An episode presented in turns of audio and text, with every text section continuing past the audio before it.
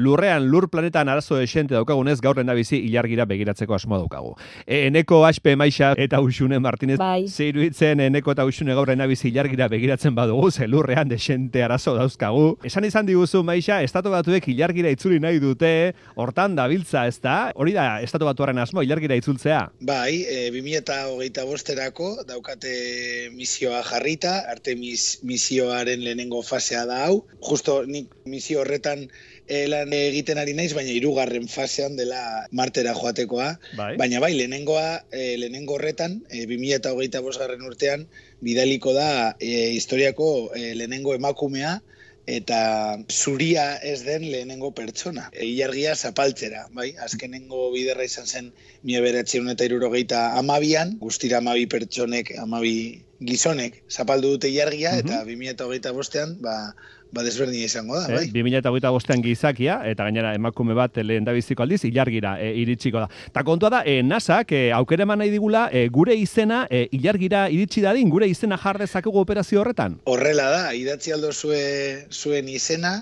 e, webgune batean e, e, sartuz gero, eta, eta bueno, ba, izen hori, e, e, idazten duzun izena, zure izena, bidaliko da espaziontzi horretan, eta lehenengo fasea, fase horretan lehenengo espaziontziak egingo duen izango da, bira eman ilargiari. Ba horretan, horretan joango da e, zuen izena. Nahi izan ez gero, sartu nasa.gov barra send your name with Artemis, Mhm. eta hitz bakoitzaren artean gidoitzu bat, eta barra berriro. Errepikatuko dut, Bai, nasa, nasa, eh, punto gov vale? eh, barra send your name with Artemis Mhm. eta eh, hitz bakoitzaren artean gidoitzu bat eta barra berriro horra sartzen zarete eta bueno ba zuen izena iargira buelta Eta zure izena jartzen bali maduzu lotura horretan, zure izena ibiliko da hor, ilargeri bueltak emango dizko zure izenak, ez da?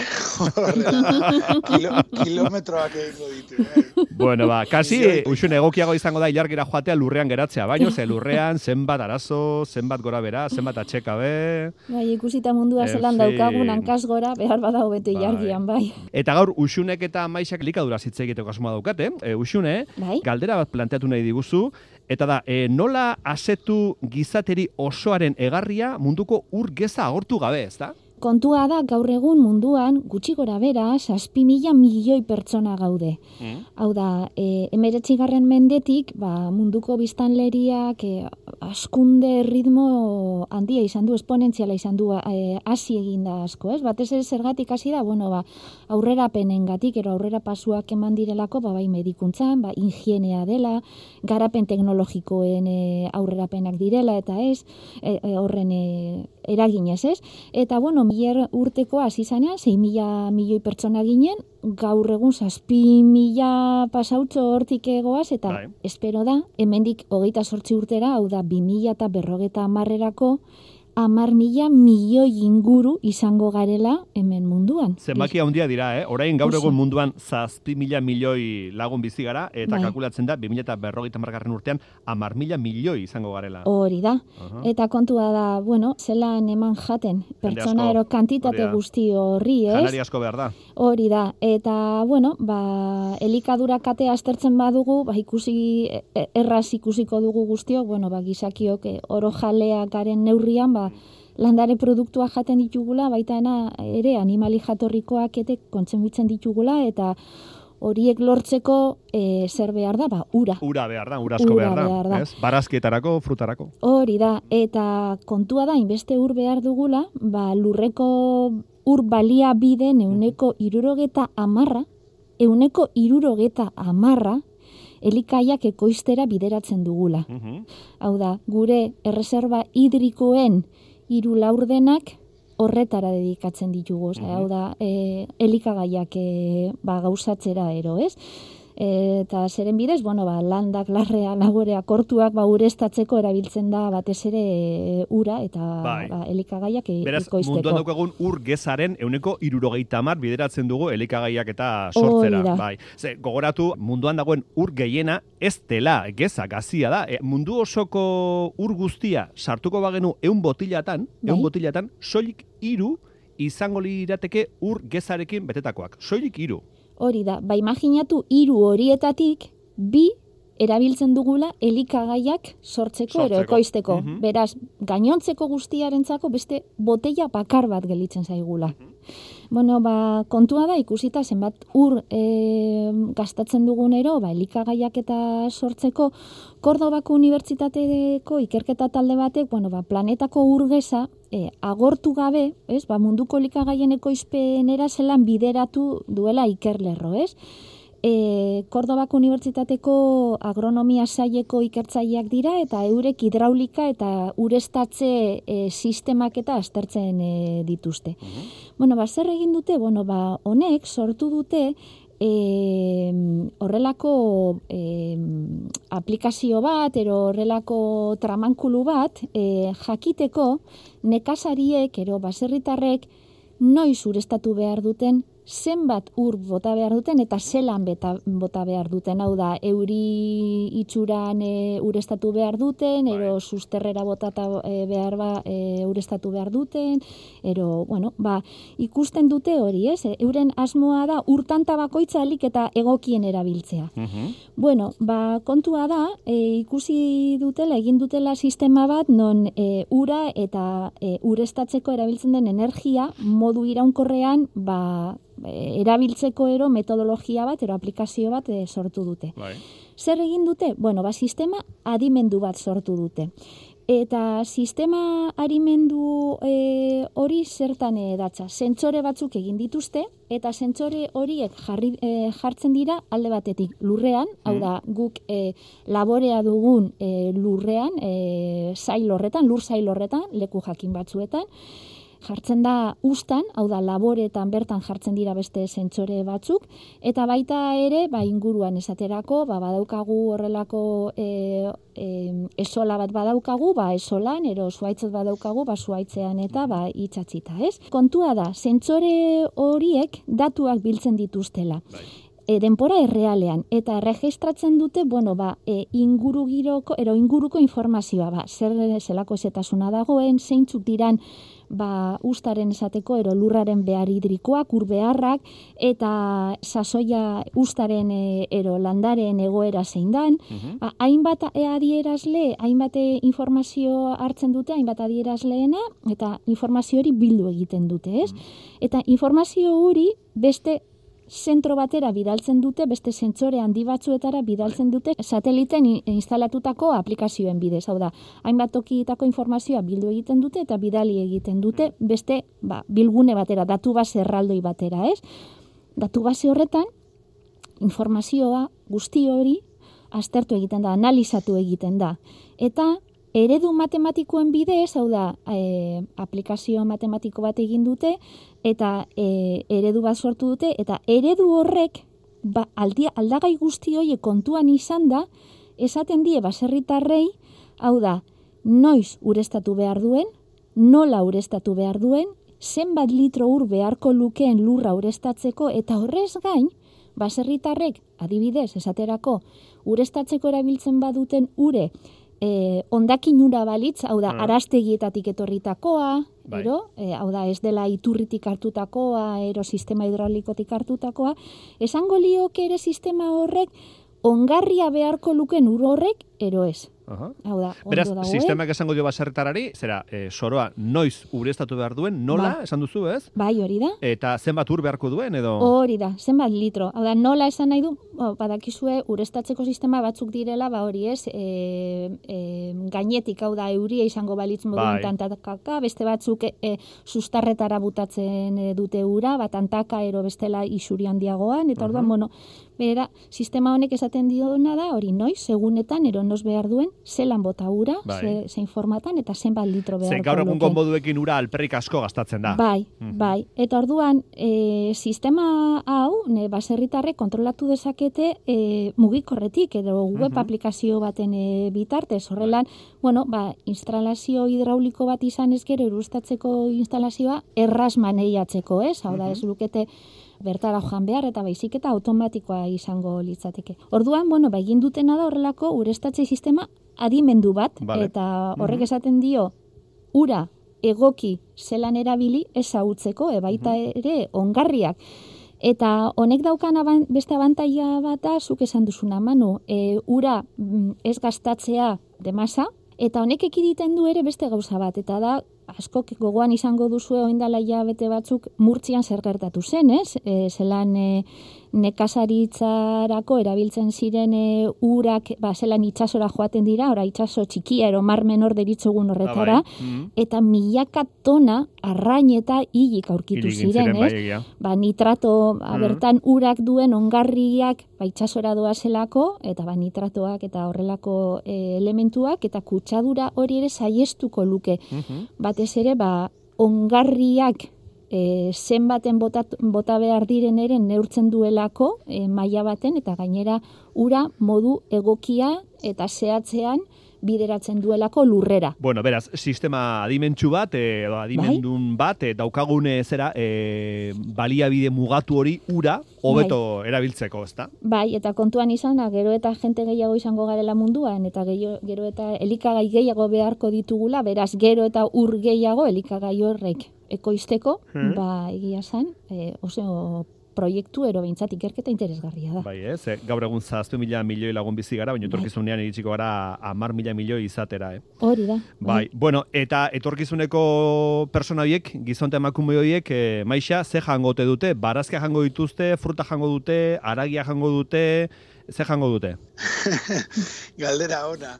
Ba, beno, e, kontu horri buruz, egon nintzen baskulinari zenterren itzaldi bat emoten, Bai, kontua zen hori hitz egitea ba, jakien teknologiari buruz, datorrena, lau ataletan, zatitu egin nuen e, itzaldia. bai, E, lehenengoa izan zen, ba, pizka bat e, kontu horri buruz hitz egiten, amar mila e, milioi izango garela e, Laister, e, 2000 eta eungarren urtean, eta e, beharko dugun e, jakiak edo jateko aiz, e, e, igoko da pilo bat, uste da uneko berrogeita marra igoko dela e, e, e, ordurako, eta ba, ez daukagula B planetarik, beraz, Mhm. e, daukaguna oso mugatua da gure planetan, e, bai ura, e, usunek aipatu duen bezala, eta bai lurra, base, ja, jadanik, erabiltzen dugu e, e, zera, bizialgaren e, lur,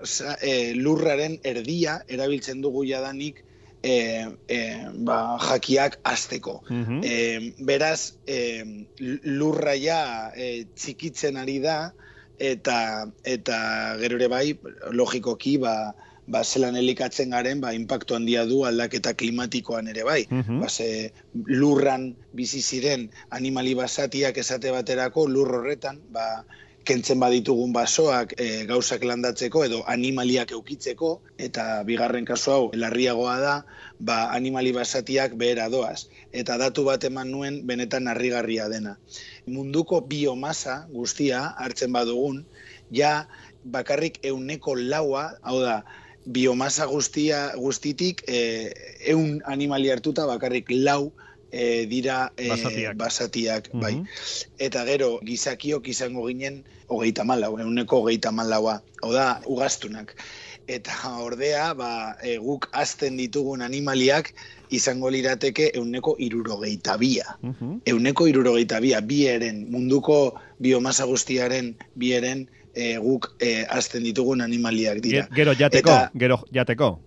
Gero, gero jateko, bai. Mhm. Base, base adibidez e, txakurra, katuak eta bar bakarrik dira euneko bata baino gutxiago. Aha. Bakarrik, bakarrik e, e, adibidez e, biomasa guztitik, e, ugaztunen biomasa guzti, guztiatik, munduko biomasa guztiatik, behiak dira euneko gehieta magosta. Hau da, hiru animalitik bat, hiru ugaztunetik bat, e, e, behia da, munduan. Aha. Eta hirutik bat ere bai e, gizakia da. Mhm. E, eta beno, kontua da, e, bueno, ba, ikusi egin dela, ba, hainbat eta hainbat ikerlan zientifikoetan, eta bueno, ba, ekologista e, guztiek esaten dute, ba, etorkizunean jango direla e, landare gehiago, fruta gehiago, Bai. e, barazki gehiago, eta e, animali gutxiago. Gutxiago. Eta hori erlazionatuta dago ere bai Ukraniaren gerratearekin, esate Mhm. baterako.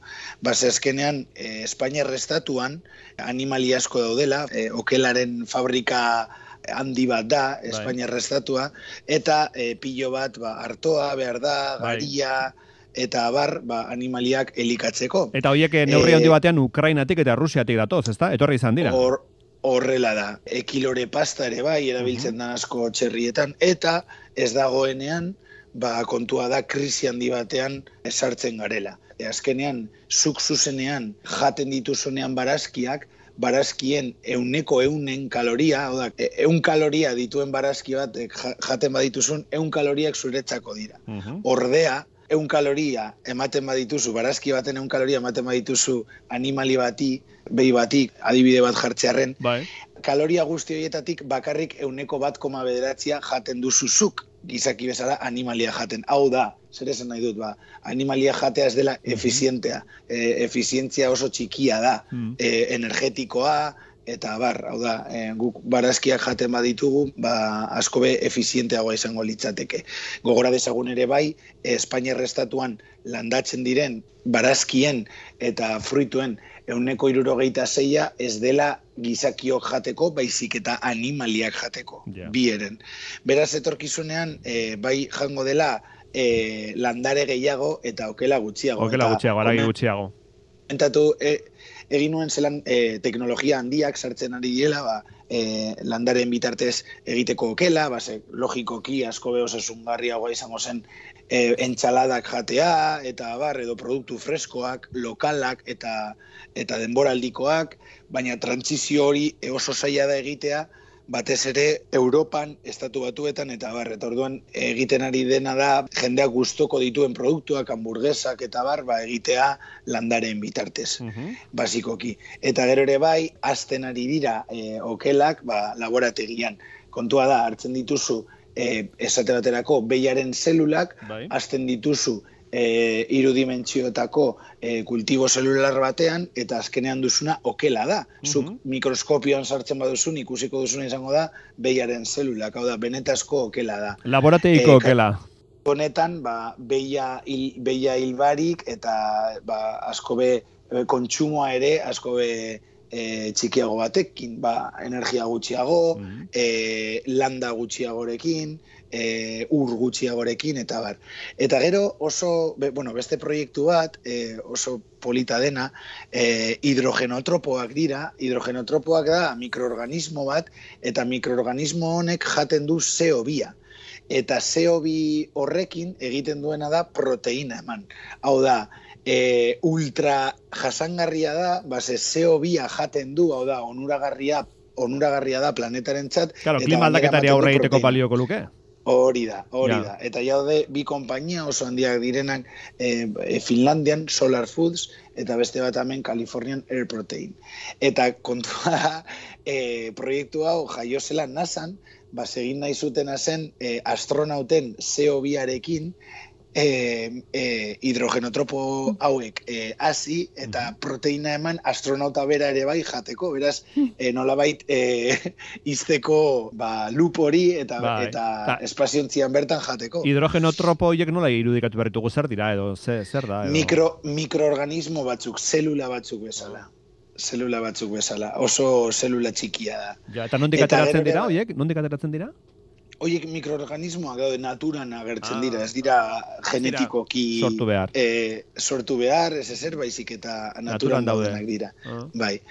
Eta gero, ba, ba beste e, datozen gauza askoi buruz hitz egin nituen, eta hemen aipatu nituen beste bi. Bat dira traktoreak, baina bereziak direnak, hau da, berez, beraiek bakarrik e, gidatzen diren traktoreak, hau da, Mhm. ez da pertsona bat behar traktorea gidatzeko, eta ganera elektrikoak direnak. E, Z-Traktor deitzen da konpainia, beste txoferrik gabeko traktoreak?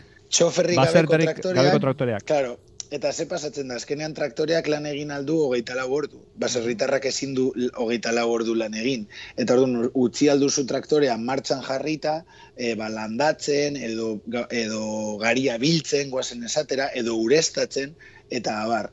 Eta ordun kentzen dio karga, guazen esaten baserritarrari, eta baserritarra bitartean beste gauza bat egin dezake. Eta gero ere bai, ba, klima hotzetan, euripean egin dezakelan hogeita orduz edo edurpean eta abar. Mm. Gero ere bai, e, beste bi proiektu buruz hitz egin nuen, hau polita dena, e, deitzen da hortu vertikalak. Mm Ideia dago eginda ba hirietan e, hortu vertikalak azteko eta gainera leku itxietan e, hasi aldira hortu hauek erabiltzen dute argi bat, ledak direnak eta argi ikuskorraren espektroa ikasi egin dute eta ikusi dute espektroaren zesati den onuragarria landare bakoitzeko, harinago azteko esate baterako, eta hortu aeroponikoa da.